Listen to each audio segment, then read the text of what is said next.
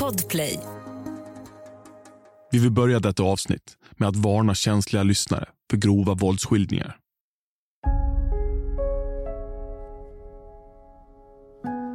Jag hittar inte mina anteckningar tyvärr. Jag, jag, jag, jag såg dem häromdagen, men jag, det ligger i kartonger en massa jävla skit. Jag, jag, jag kan fan inte hitta dem. Alltså. Men jag har läst lite annat skit istället. Vi sitter hemma hos före detta kriminalinspektör Roger Björkander. Han är idag pensionär, men var ända fram till för några år sedan den polis som arbetat längst med mordet på Visby hotell. Och med tiden har han närmast blivit synonym med fallet. Vi har varit många som har varit inblandade i det här. Va? Så att, eh, jag har varit med från dag eh, ett eller två typ. Jag- har ju samlat mitt eget material så att säga i arbetspärmar. Roger lägger fram ett par nötta och välanvända pärmar framför sig på bordet. Han berättar hur han blev involverad i fallet under utredningens andra dag. Vi, vi skulle ha luciafirande på jobbet och då brukar man vara där eh, någon timme innan man börjar tjänstgöringen så att säga. Det blev ingen luciafirande utan vi får åka ut och hämta in den här personen. Vem det var som Roger hade hämtat in den här dagen kan han inte berätta. Men oavsett blev personen inte fortsatt intressant för utredningen. Han var en bra kandidat och då hämtade man in honom och sen hur det gick i förhör och så där, det vet jag inte, men han blev ju inte kvar. Redan tidigt i utredningen hade man börjat förhöra potentiellt misstänkta enligt en slags improviserad gärningsmannaprofil. Framförallt intresserade man sig för tidigare dömda inbrottstjuvar och våldsverkare. Och några dagar efter mordet hämtade polisen in en tidigare straffad 19-årig man med bevisat stort våldskapital till förhör. Hos honom gjorde man även en husrannsakan. Där fann polisen två gevär som stulits vid ett inbrott ett par veckor tidigare. Man hittade även ett låst skrin som innehöll ammunition, hasch och utklipp om en australiensisk massmördare, Martin Bryant, som i april 1996 hade skjutit ihjäl 35 människor i en av historiens första massskjutningar. I samma skrin fanns även en handskriven lapp med texten “De döda talar inte”. Men ingenting i huset hittades som kunde knyta 19-åringen till mordet på Visby hotell. Den 18 december, sex dagar efter mordet, arbetade tio poliser med fallet och man hade förhört sammanlagt 120 personer. Än så länge utan några tecken på att man var närmare en lösning. Utredningen hade redan börjat växa sig så stor att den började bli svår att överblicka. Och få ordning och reda på papperna så sa jag, det går ju bra. Det går ju bra en vecka eller två sådär. Då, då kan du ha det så i, i en hög. Men sen hittar du inte de här uppgifterna. Och så ska du in och så ska du hålla ett förhör. Eh, och så måste du se, eh, ja, stämmer det här och så vidare. Eh, och det måste man ha koll på när man hör de här personerna. För att kunna lägga det här pusslet. Va? Det gäller att återskapa så mycket som möjligt vad som har hänt under natten. Då. Eh, Man gör också en kartläggning av själva offret och umgänget och så vidare. Man försöker då eh, arbeta efter det här polisens metodstöd då, för utredning av grövre brott. PUG tror jag det kallas för. Den kallas som mordbibeln. Och då försöker man tillskapa en grupp då med olika funktioner. Gotland är väldigt litet där, så då får ju varje person eh, ha fler än en funktion. Så att säga. Och där bland annat då förhör, olika förhörsgrupper. Och sen är det span och det är spaningsledare. Och, eh, eller span, inre, inre spaning och så. Eh, tipsmottagare och lite smått och gott. Att driva en mordutredning enligt alla konstens regler innebär nämligen framför allt ett tungt administrativt arbete. det går, åt väldigt mycket resurser om man ska arbeta efter den här fullt ut. Och det kan man kanske göra i storstan. va, Men, på lilla Gotland eh, blir det svårt. Spaningsledaren Gösta Svensson hade veckan efter mordet gått ut i media och sagt att man inte hade några misstankar om att mordet kunde röra sig om ett insiderbrott. Men enligt före detta kriminalinspektör Roger Björkander gick tankegångarna inom utredningen snarare i rakt motsatt riktning. Det man slås av när man besöker brottsplatsen innan man börjar hålla förhören, här utredningsgrupperna, är ju hur tusan hittar de hit? Va? Att ta sig in till rum 112, där gärningsmannen sannolikt kom in, till den korridor där Kristina hittades mördad, var nämligen inte särskilt enkelt. Eh, och det börjar redan när man kommer in på 112 och ut i korridoren. Ja, så långt är jag med. Va? Men jag skulle nog inte tagit brandtrappen ner på vinst och förlust och så vidare. Va? Och så kommer man ner i den här labyrinten. och så går, och man rör sig på ett, eh, ett visst sätt där nere som gör att, men herregud, här, här hittar du eh, och det kan vara en slump, men eh, det, det, det, är inte den känslan man får. Utan känslan är att, att det här är någon som vet, eller att man kanske har arbete där. Eller har någon koppling till hotellet. Va? En annan person som delar uppfattningen att gärningsmannen troligtvis har en koppling till hotellet är Leif GW Persson. Eftersom vi vet att GW sedan länge intresserat sig för hotellmordet så ringde vi upp honom för att höra hans teorier. Jaha, just det. Ja, precis. Även jag var ju där några gånger.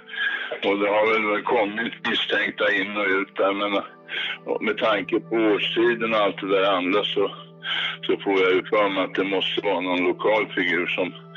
Och jag har varit i de där lokalerna, det är nästan omöjligt att hitta där så det kräver ju faktiskt en ingående lokalkännedom. Och slår man ihop där så pekar det mot någon som antingen har jobbat i det där huset eller ja, någon tidigare anställd helt enkelt. För att den här gärningsmannen på Visby hotell, han, han har lokalkännedom, punkt. Det är inte, inte sådär allmänt så att han har bara bott på hotell utan han har mycket ingående lokalkännedom. Uh, han, han har jobbat där. Antingen, han kan ha varit hantverkare där återkommande för att skruva i glödlampor och göra. Eller också kan han ha varit anställd på hotellet i någon funktion. Men varför hade då Kristina mördats?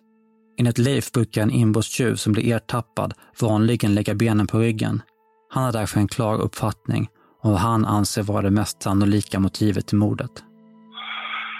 Uh, jag får för mig att den där som gör det där på Visby hotell, den, den person som hamnar i en situation som, som man plötsligt inte kan hantera och vars konsekvenser för honom är långtgående.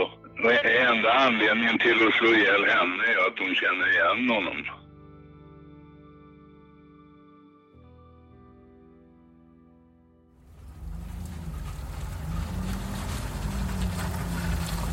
Redan när vi arbetade med den första säsongen av Kalla fall fick vi ett tips om en person som skulle kunna vara intressant för hotellmordet. Tipset fick vi under tiden vi gjorde utgrävningen av tippen i Etelhem. Men du nämnde någonting? Ja, du kan höra det om när du börjar rota i hotellmordet. Jag har lite där. Ni kanske känner igen tipsaren som Stig Larsson, den försvunne Sven Sjögrens gamle granne och antagligen den person som varit mest engagerad i försvinnandet under alla år. Ja, jag pratade med en kille häromdagen som hade ett ytterligare namn. Och sen var det där jag berättade för dig. Min granne. Vi kan åka hem till honom så ska du få höra direkt. Va? Men där är ett bra tips. Tipset handlade om en person som ryktades ligga bakom en liknande stöld fast på ett annat hotell i Visby flera år innan hotellmordet. I förra avsnittet besökte vi de nuvarande ägarna till Sjögrens hus i Lummelunda, Tommy och Helena. Under besöket berättade vi bland annat om informationen vi fått från tipsaren Stig Larsson. Ett par dagar senare ringde Tommy upp mig. Han hade träffat sin bekant som jobbade på Visby hotell vid tiden för mordet. Ja, jag, jag, han var hos mig igår nämligen. Eh, och då berättade han ju för mig på riktigt vem han trodde det var. Och det sjuka är att du nämnde hans namn. Du nämnde namnet. Mannen som Tommys bekant misstänkte i hotellmordet hade jobbat som nattportier på ett annat hotell i Visby där det var ett inbrott några år tidigare. Han var så identisk med personen som tipsaren Stig Larsson redan berättat om. Jag sa till Stefan, vill du vara med på det här? Ja, jag vet inte, men jag, jag ger dem ditt nummer. Ja, men gör det. Så testa att ringa honom och säga att, eh, att, att du fick nummer av mig. Det kändes nu som vi hade fått vårt första konkreta spår. Jag heter Urban Gärdiak. Och jag heter Tobias von Braun. Det här är Kalla fall.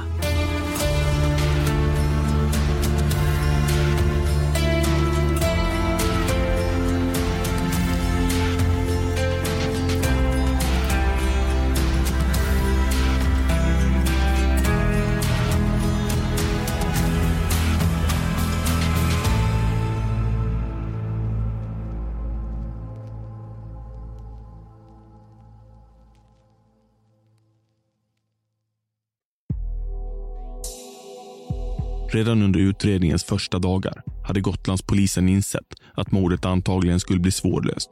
Man hade därför varit snabba med att kontakta Rikskriminalen i Stockholm och begärt förstärkning. Det blev lite bättre när vi fick in eh, Riksmordkommissionen. Ni hör återigen före detta kriminalinspektör Roger Björkander. Det var ganska tidigt vill jag minnas. Eh, jag tror att de dök upp här. Eh, om mordet ägde rum i december så kom de efter nyår tror jag. I januari. Riksmordkommissionen är en enhet inom Rikskriminalen vars roll är att stödja lokala polismyndigheter med omfattande mordutredningar. Eh, deras inriktning det är ju det att, att eh, det är vår förundersökning eh, och de är här för att hjälpa till så att säga. De kommer ju inte hit under förutsättning att de ska ta över den. Utan de, deras uppfattning är att de ska bistå den lokala polisen med, med resurser. Så att säga. Och det var de väldigt noga med att po poängtera. Det Riksmordkommissionen framförallt bidrog med var att underlätta och effektivisera det administrativa arbetet. Nej, det, vi eh, fortsatte ju arbeta efter den här mordbibeln som man kallar det för då. Och, eh, det mest eh, radikala förändringen var det att de kunde sköta det här med förundersökningsregistreringen så att uppgifterna som kom in då blev sökbara. Och sen har de ju en helt annan erfarenhet, en helt annan rutin på det här. Då la man in eh, liksom, eh, uppgifter om personer, bilar, händelser? Ja, var... allt. En av de frågor som utredningen tidigt brottats med var hur gärningsmannen lämnat mordplatsen efter mordet. Redan vid undersökningen av hotellet på morgonen under utredningens första dag noterade man en detalj som pekade på en möjlig flyktväg. Om jag minns rätt så var en av dörrarna olåsta. En av hotellets bakdörrar stod på glänt och låsmekanismen hade inte klickat igen. Det är en sån där dörr som man öppnar och sen ska den väl slå igen av sig själv om jag minns rätt. Men den hade liksom inte gått i lås helt enkelt. Att dörren av misstag skulle lämnas olåst av personalen kvällen innan kändes osannolikt. Den sista som går den här låsronden, när någon i civilpersonalen som går runt och kollar att det inte brinner och att, eh, att det är låst. Det var ju en av deras arbetsuppgifter så att säga. Det känns mest logiskt va? Om, om man nu begår det här brottet och sen ska man ta sig ut snabbt. Då. Ja, det är en av de vägarna som man rimligen skulle kunna ta. Då. Men det är ju tvärs ut genom receptionen. Ut genom, förbi Vinterträdgården och receptionen och sen ut på baksidan, jag kommer inte ihåg vad den heter. Kilgränd. Annars var det största problemet bristen på vittnesuppgifter från mordnatten som kunde föra utredningen vidare. Den 21 december, nio dagar efter mordet, hade man därför gått ut i pressen och vädjat till allmänheten om hjälp att få kontakt med alla potentiella vittnen som befunnit sig utomhus i Visby innerstad under mordnatten men betydligt färre än förväntat hade hört av sig. De hör ju av sig när vi, när vi, vi säger att vi vill prata med dig. Ja, varför då? Ja, det för, ditt namn förekommer i utredningen, så kommer de ju. Det har inte varit något som helst problem.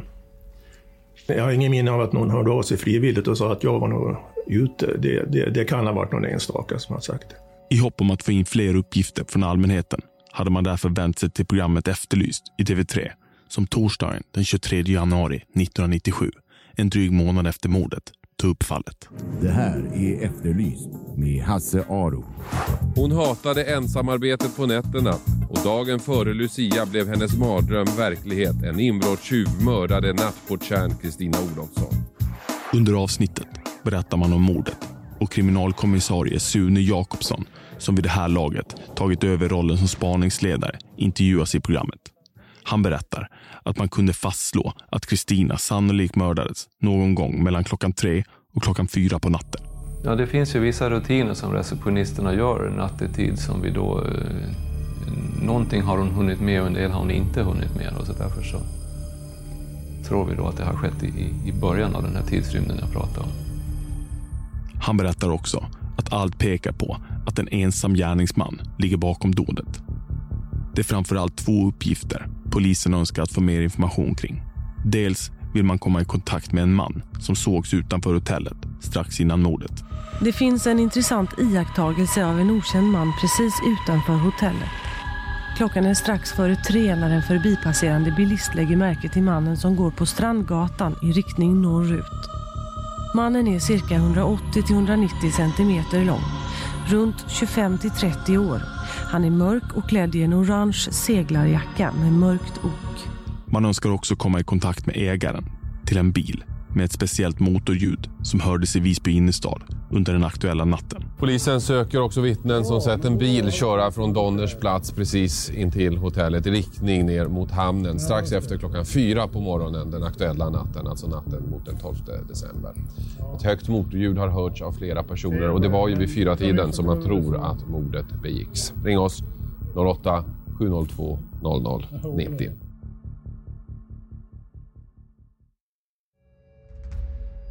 Uppgifterna om bilen med det höga motorljudet hade börjat komma in till polisen redan tidigt i utredningen. Vi har före detta kriminalinspektör Roger Bykander igen. Det finns iakttagelser av en bil som körs ifrån Råstugegränd, då, eh, som ligger i anslutning till Sankt Hansplan. Då. Och det är inte så långt ifrån Visby hotell. Då. Ett vittne hade hört hur en bil startade upp i en gränd i närheten av hotellet. Klockan var då strax innan klockan 04. Och det finns det en kille som, som hör, uppe och kokar välling som hör, den här bil, eller hör en bil startas upp. Då. Han säger Rådstugegränd eller gränden bortanför. Det är han säker på, för han bor precis mitt emellan. Sen kör den här bilen iväg och så kör den ner mot Donnersplats. Det är det han hör. Och han hör också att den har ett rallyljud. Nu kommer jag inte ihåg vem det är som säger vad, men det pratas om ett högt motorljud, det pratas om ett rallyljud, det pratas om eh, trasiga ljuddämpare. Genom vittnesuppgifterna kan man följa bilens färd genom stan. Först verkar bilen vara på väg ner mot hamnen, men svänger sedan av uppför en backe och tillbaka in i gränderna. Till slut åker den ut genom Skansport, en av de mindre öppningarna i Visby ringmur som ligger i den södra delen av innerstaden.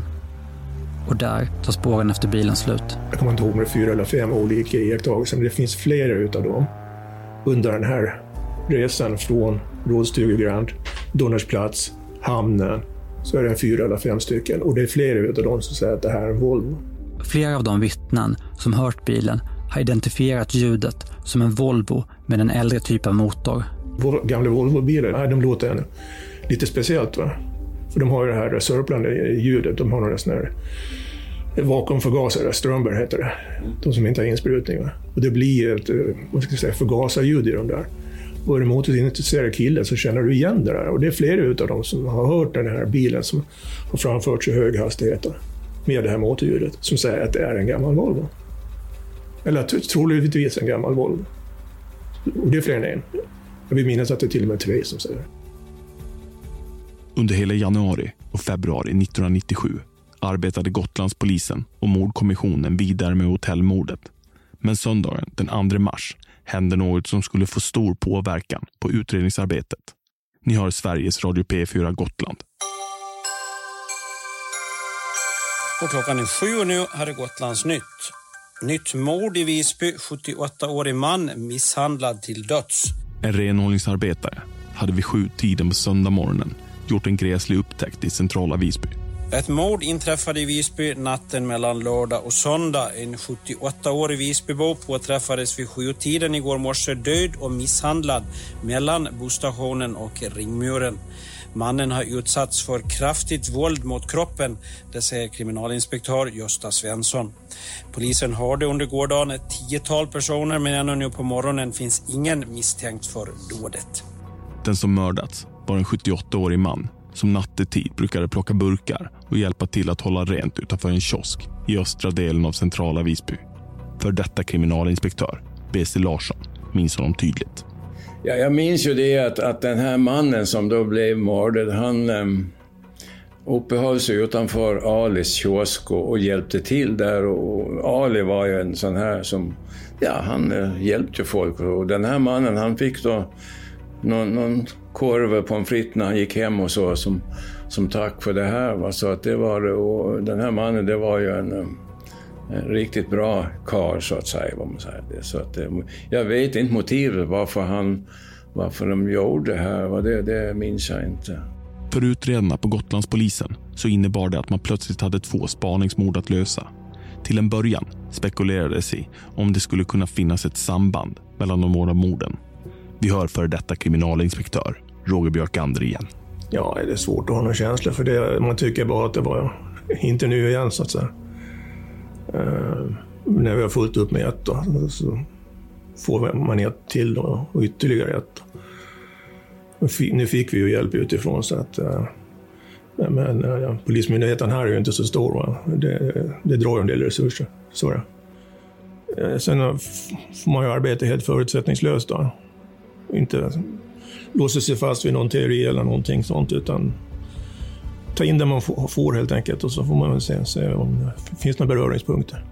En del av de poliser som arbetat med hotellmordet sattes nu istället på att utreda busstationsmordet samtidigt som ytterligare personal från Rikskrim kallades in och två separata utredningsgrupper skapades. Grupperna arbetar ju eh, med eller mot varandra. Så att säga. Det, det, det fanns liksom ingen koppling på det sättet.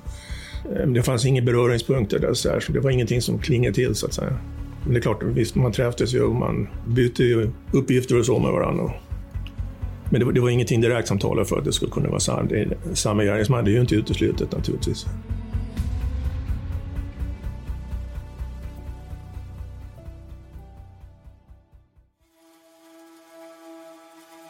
I december 2022 var det dags att följa upp tipset jag fått från Tommy, den nuvarande ägaren till Sjögrens hus. Jag åkte till centrala Visby och träffade Tommys bekant Stefan Wall. Jag vet inte om jag har så mycket att tillföra, men du får väl eh, som se. se. Ja. Stefan Wall har jobbat inom restaurangbranschen på Gotland i många år. Jag gick restaurangskolan eh, och sen har jag jobbat som kock och drivit egen krog också. 94 tror jag blev kökschef på, på Visby hotell. Då. Stefan Wall minns hur polisutredningen ständigt fanns i bakgrunden tiden efter mordet. Det vart ju en polisutredning och jag har säkert suttit i tio polisförhör minst uppe på, om då dels elever som jag haft jobbande där och alla, all min personal som jobbade där och, och alla som jag har känt genom åren som har sprungit där. Var ju liksom eh, genomgångna då så att säga. Han minns också att det verkade som att polisen ganska snart efter mordet hade börjat rikta in sig mot en specifik person, nämligen den person i personalen som hade hittat Kristina morgonen efter mordet. Jag bara hört på omvägar att han var jävligt ledsen för att han hade... Jag vet inte om han var häktad eller om han var inlåst någon... Och, och då var det en, en av mina kockar då som umgicks med honom lite som sa att han var jätteledsen för att han är misstänkt för det här mordet och det är helt otroligt. Utifrån information som figurerat i pressen så vet vi att en person frihetsberövades under utredningen av hotellmordet i mars 1997. Före detta kriminalinspektör Roger Björkander kan dock varken bekräfta eller dementera att det skulle ha rört sig om den anställda som hittade Kristinas kropp. Men Roger poängterar att det kan ha funnits andra orsaker till att polisen så intensivt riktade sitt intresse mot just denna person. Ja, man kan ju vara misstänkt utan att vara skäligen misstänkt. Och det är klart, jag har fått den frågan förut, liksom. men det är så här att vad gör man när man har så här grovt brott? Man, man tittar på, på vem var först på brottsplatsen? Och så får vad såg du för något? Vad hörde du för något? Kände du något? Luktade du något? Eh, har du hört någonting? Vad gjorde du för något? Tusen olika frågor. Den som var först på platsen. Ja, men det är alldeles självklart att den personen är jätteintressant i utredningen. Och sen att vederbörande känner sig utpekad. Ja, den smällen får vi nog ta. Eh, och du är ju inte misstänkt förrän du själv är misstänkt. Eh, så vi vill ju veta så mycket som möjligt. För det finns ju olika grader av misstankegrad. Eh, misstänkta kan det i princip vem som helst. vara. Som sagt så vet vi inte med säkerhet om det var den anställde som hittade Kristina som satt frihetsberövad i mars 1997 eller någon helt annan. Men den dåvarande kökschefen Stefan Wall har sin uppfattning klar. Men han är ingen mördare. Jag tror inte att det är han. Han är inte den typen. Han är lite tystlåten och lite udda är han ju. Lugn och, och aldrig något, sticker inte ut på något sätt utan väldigt mm, snäll och trevlig kille. Lördagen den 19 april kunde medierna på Gotland för en gångs skull rapportera om en positiv nyhet. Ni har Sveriges Radio P4 Gotland. Klockan är fem och här är Gotlands nytt. Nu tycks ett av morden i Visby få sin lösning. Idag häktades en man för dödsmisshandeln vid busstationen i Visby. Mannen hade ringats in genom en noggrann kartläggning av de personer som observerats i närheten av brottsplatsen under mordnatten. Det hade visat sig att den 30-årige mannen var den sista person som setts tillsammans med mordoffret. I förhör med polisen erkänner han till slut att han följt efter den gamle mannen och slagit och sparkat honom till döds i ett plötsligt utslag av raseri. Någon rimlig förklaring till varför han handlat som han hade gjort kunde han inte ge. Den 30-årige mannen dömdes senare till rättspsykiatrisk vård. Han förhördes även kring mordet på Visby hotell. Men det fanns ingenting som tydde på att han skulle kunna vara inblandad även i det mordet. Nu när det ena av de två spaningsmorden var uppklarade kunde Gotlandspolisen och Riksmordkommissionen inrikta sig helt på hotellmordet.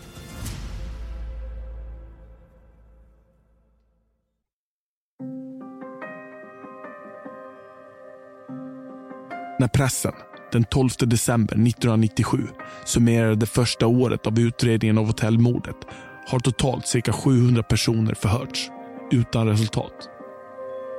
Utredningen pågår ändå på sparlåga genom att två personer arbetar vidare med att gå igenom det material man har för att försöka hitta någon liten detalj som missats eller något spår som inte bearbetats fullt ut.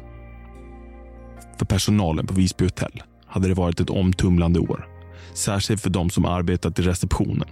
Kristinas närmaste chef berättar. Ett par stycken slutade ganska kort efter. De tyckte det var otrevligt att vara där överhuvudtaget. Alla tänkte ju det här var en tillfällighet. Vem som helst hade ju kunnat jobba utav dem. Det var otur att det var hon då. Även den dåvarande hotelldirektören på Visby hotell, Gun Widgren Stengård, minns att det var några personer som inte hade orkat arbeta kvar. Ja, nej, jag, jag kände inte riktigt den där oron. Men det gjorde ju många och det var ju några som slutade också för att de eh, kände att de ville inte jobba kvar under de förutsättningarna. Därefter är det tyst om mordet fram till den 30 april 1998. Då går nämligen polisen ut med en efterlysning i tidningar, radio och tv. Ni hör här ett inslag i SVTs Östnytt.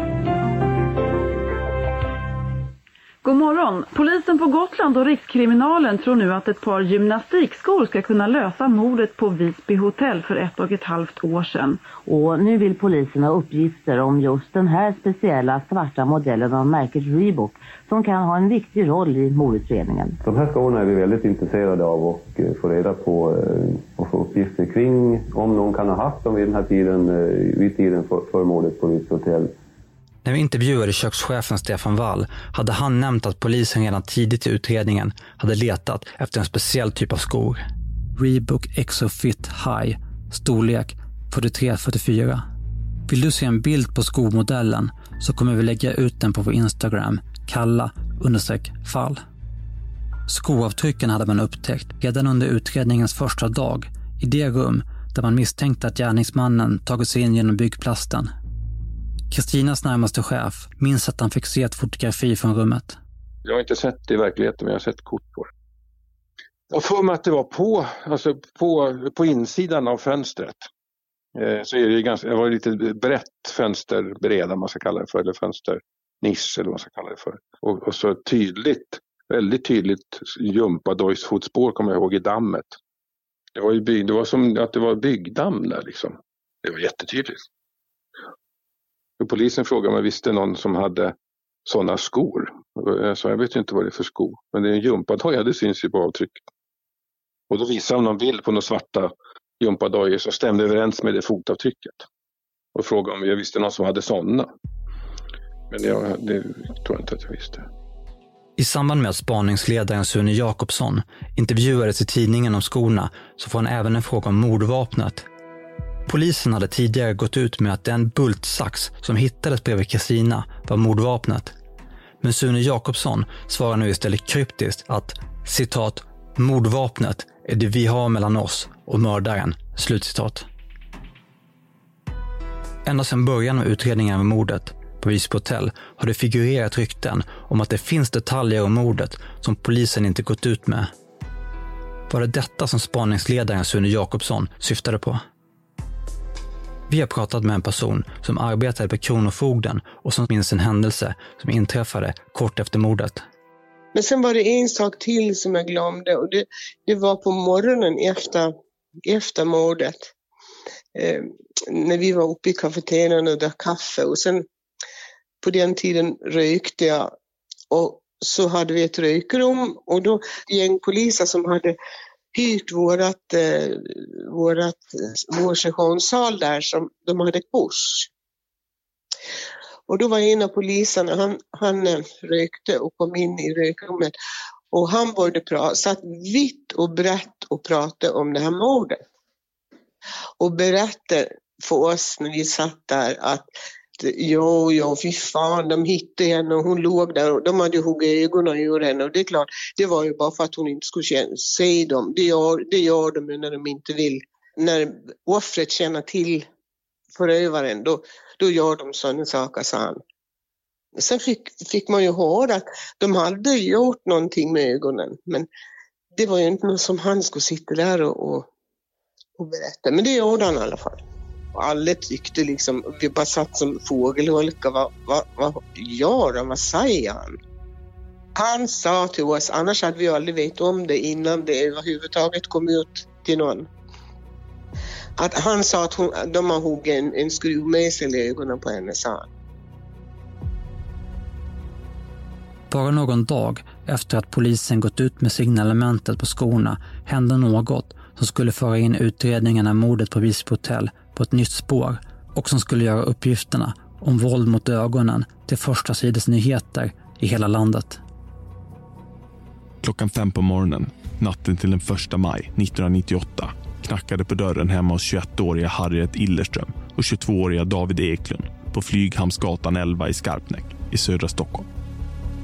Ett par dagar senare gör Harriets syster den fruktansvärda upptäckten. David och Harriet hittas brutalt mördade i lägenheten. Brottsplatsen var grotesk. Utredarna slås omedelbart av intrycket att den som ligger bakom mordet måste ha dödat förut. Ett anonymt tips leder polisen till en 23-årig lärarstudent. Han hämtas in till förhör och den 6 maj anhålls han som skäligen misstänkt för morden. Med hjälp av DNA kan han bindas till brottet. Under husrannsakan i 23-åringens pojkrum hemma hos hans mamma visade det sig att polisens farhågor om att mannen mördat tidigare stämmer. Man hittar ett par blodiga sandaler, men blodet matchar varken David eller Harriet. Istället matchar blodet spåren från en helt annan brottsplats. Nämligen en 74-årig man som den 26 juli 1996 hade hittats mördad i sin lägenhet i Bagarmossen. Han hade utsatts för ett extremt övervåld och flera olika verktyg hade använts under mordet. Det hade varit svårt att fastställa några motiv till brottet och fallet hade därför blivit kallt. Den 23-årige lärarstudenten nekade först till allt. Men efter att ha konfronterats med bevisen erkände han till slut. Han berättade att den 74-årige mannen bjudit honom på sprit och sedan gjort sexuella närmanden. Han hade då sett rött och först kvävt mannen med ett skärp. Därefter hade han tagit ett kvastskaft och tryckte genom ögat och in i hjärnan.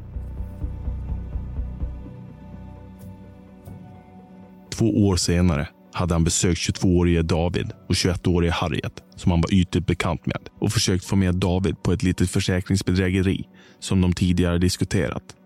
När David vägrade hade han än en gång sett rött.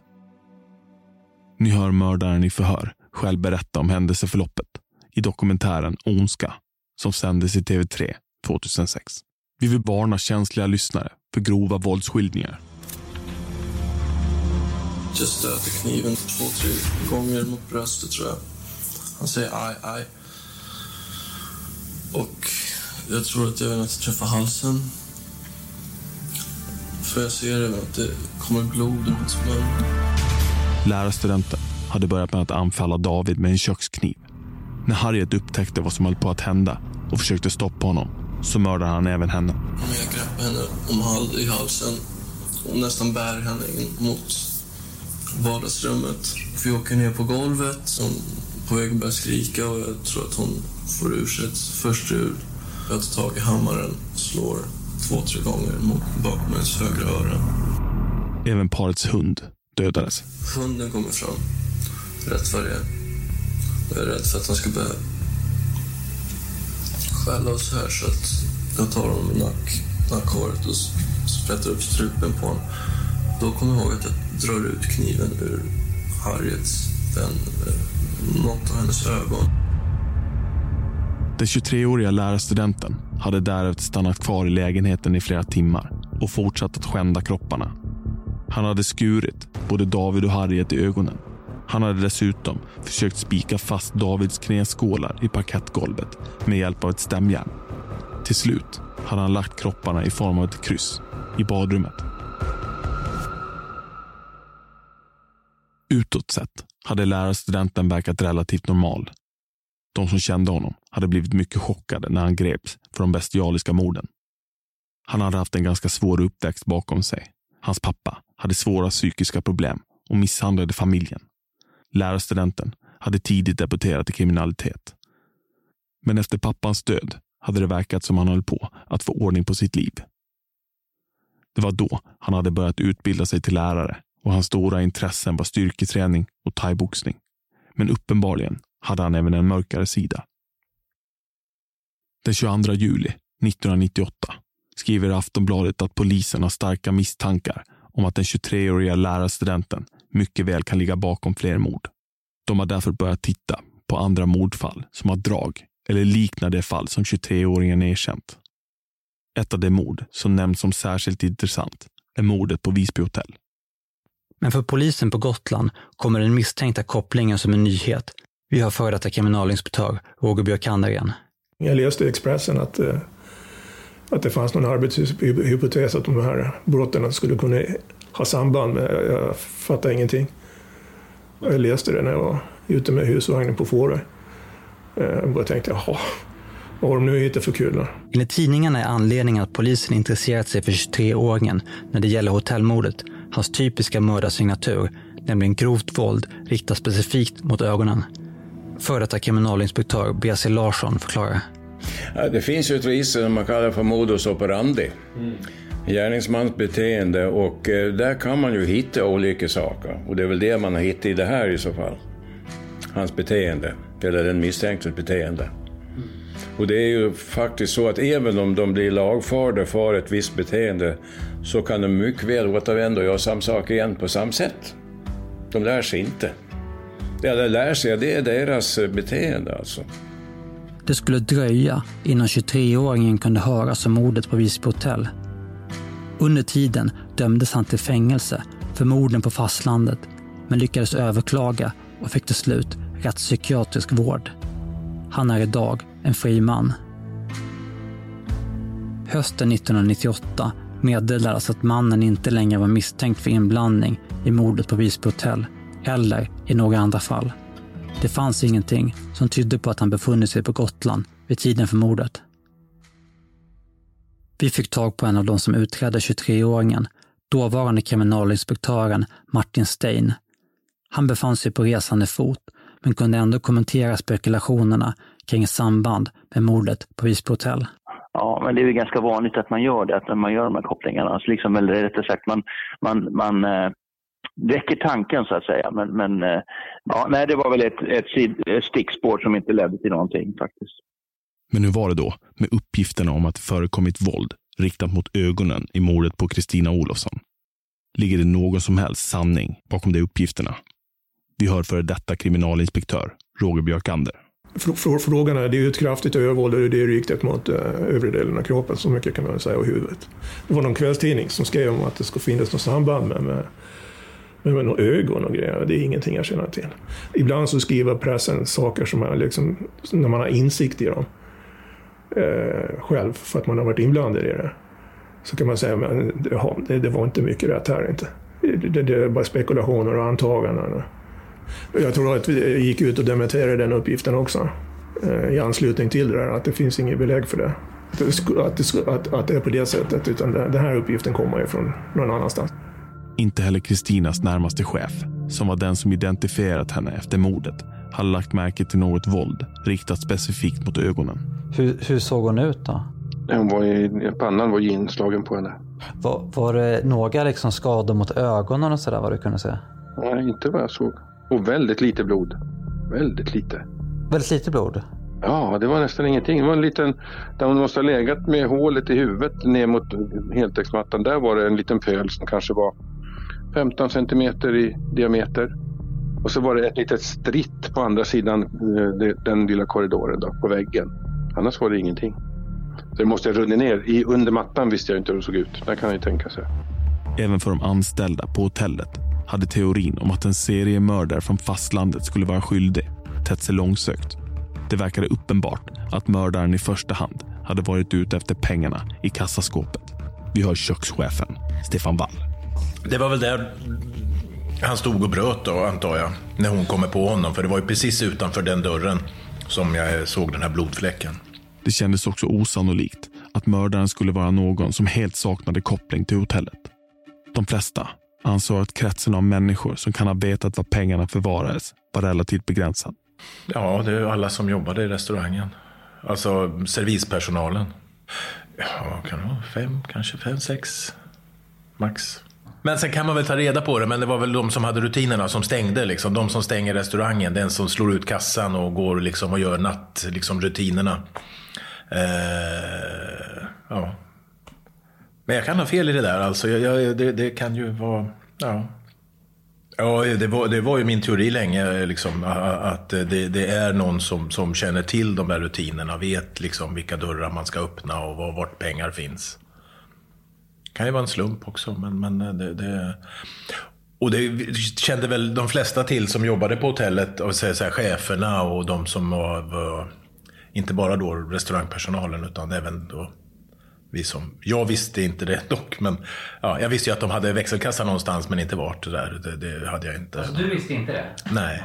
Alltså, du, om du hade gjort det här själv så att säga, då hade du inte haft koll på vart du skulle? Nej, det tror jag inte. Nej. Jag hade nog brutit upp första ettan i, från början liksom. Ja, så, så det måste ändå varit en hyfsat eh, väldigt begränsad krets människor? Som... Jag tänker det, ja. I den dokumentär om hotellmordet som släpptes på Spotify Doc våren 2022 gjordes en stor poäng av att hotelldirektör Gun Widgren Stengård hyste vissa misstankar mot en specifik person. Så här sa hon då. Ja, det var ju några år efteråt faktiskt. Vilket år vet jag inte, men det var inte... För jag blev aldrig förhörd faktiskt utav polisen. Och det är lite konstigt. Men på något sätt blev de så, polisen på Gotland så överrumplade utav det här som hade hänt tror jag. Så att eh, de förhörde ju väldigt, inte alla kanske, men väldigt många utav personalen. Men eh, jag blev faktiskt aldrig förhörd. När vi intervjuar Gun vill hon fortfarande inte säga rakt ut vem hennes misstankar riktat sig mot. Men bekräftar att de funnits där. Ja, jag hade ju det ett tag. Men det har jag delgivit polisen.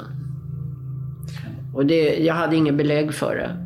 Eh, nej. Vad, vad grundade sig de eh, tankarna i då? Nej, men det är väl sådana människor som har funnits runt hotellet. För det är ju så, i alla fall på den tiden så var det ju väldigt öppet. Man kunde ju gå in och ut och så vidare och röra sig rätt så fritt. Var det någon som hade någon anknytning till någon som var anställd? Ja, kanske. Hotelldirektören Gun var inte ensam om att ha misstankar mot en person med kopplingar till hotellet. Kökschefen Stefan Wall delar hennes uppfattning. Personen han misstänker sägs också ha varit involverad i en kassaskåpskupp på ett annat hotell i Visby. Det här är bara hörsägen, eller min, min fru jobbade där då, eh, på den tiden. Och eh, då försvann det pengar ur ett kassaskåp där. Men eh, de fick aldrig någon eh, rätt sida på det, utan de har väl grävt upp hans trädgård en antal gånger, men eh, inte hittat någonting. Det verkar alltså som att mycket talar för att hotellmordet var ett insiderbrott som gått snett. Kan gärningsmannen har varit en person med koppling till hotellet och kan det ha varit därför Kristina blev mördad, för att hon kände igen honom? Men vad hade tjuven i så fall varit ute efter? Det enda som försvann från hotellet var ju en växelkassa på ett par tusen kronor. Det kändes som en väldigt liten summa för en så pass stor risk. Samtidigt visste vi att det ända sedan mordet hade cirkulerat rykten som gjorde gällande att betydligt större penningsummor än så kan ha funnits tillgängliga på hotellet just den natten som Kristina mördades. Rykten som vi i nästa avsnitt kommer att gå till botten med. Dagen efter mordet skulle det vara en exekutiv aktion. Det var alltid mycket kontanter i omlopp. Att det var någon som, som hade lagt någon handpenning på någon båt eller någonting sånt och deponerat i kassaskåpet. Jag känner igen uppgiften. Kontantinsats från Orion, vill jag minnas.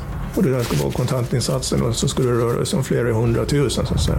Det fanns i kan man säga, det första rummet i den här korridoren. Så det måste vara dit som den här personen eh, sökte sig. En sån här person som några har nämnt, det är ju din, din brorsa. Kalla fall, en podd av och med Urban Järdek och Tobias von Braun. Producent och ljudtekniker är Mats Liljenberg. Klippassistent är Alva Åsberg. Exekutiv producent på Podplay är Victoria Rinkos. I avsnittet hörde du klipp från Sveriges Radio P4 Gotland, Östnytt, TV3, Strix Television och från Spotify Docs. Vet du någonting om mordet på Visby hotell som skulle kunna föra fallet närmare en lösning? Hör i så fall gärna av dig till oss på tips kallafall.se eller kontakta oss via sociala medier på Instagram. Där heter vi kalla fall eller på Facebook. Där hittar man oss genom att söka på kalla mellanslagfall. Det går självklart bra att vara anonym om du så önskar. Källskyddet och meddelarfriheten gäller. Vill du stötta vårt arbete så gör det enklast genom att bli medlem på vår Patreon-sida. Bara ett bråkdel av det material som samlats in under arbetet med den här säsongen hamnar i podden. På Patreon kommer vi publicera många timmar exklusivt bonusmaterial. Där kommer du till exempel kunna höra hela vår intervju med Roger Björkander.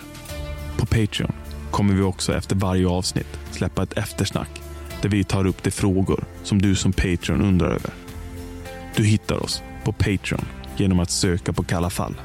Denna vecka vill vi passa på att rikta ett särskilt stort tack till Petter Lindahl och Bittersvärd som stöttar oss genom att vara medlem i Kalla falls fanclub via Patreon.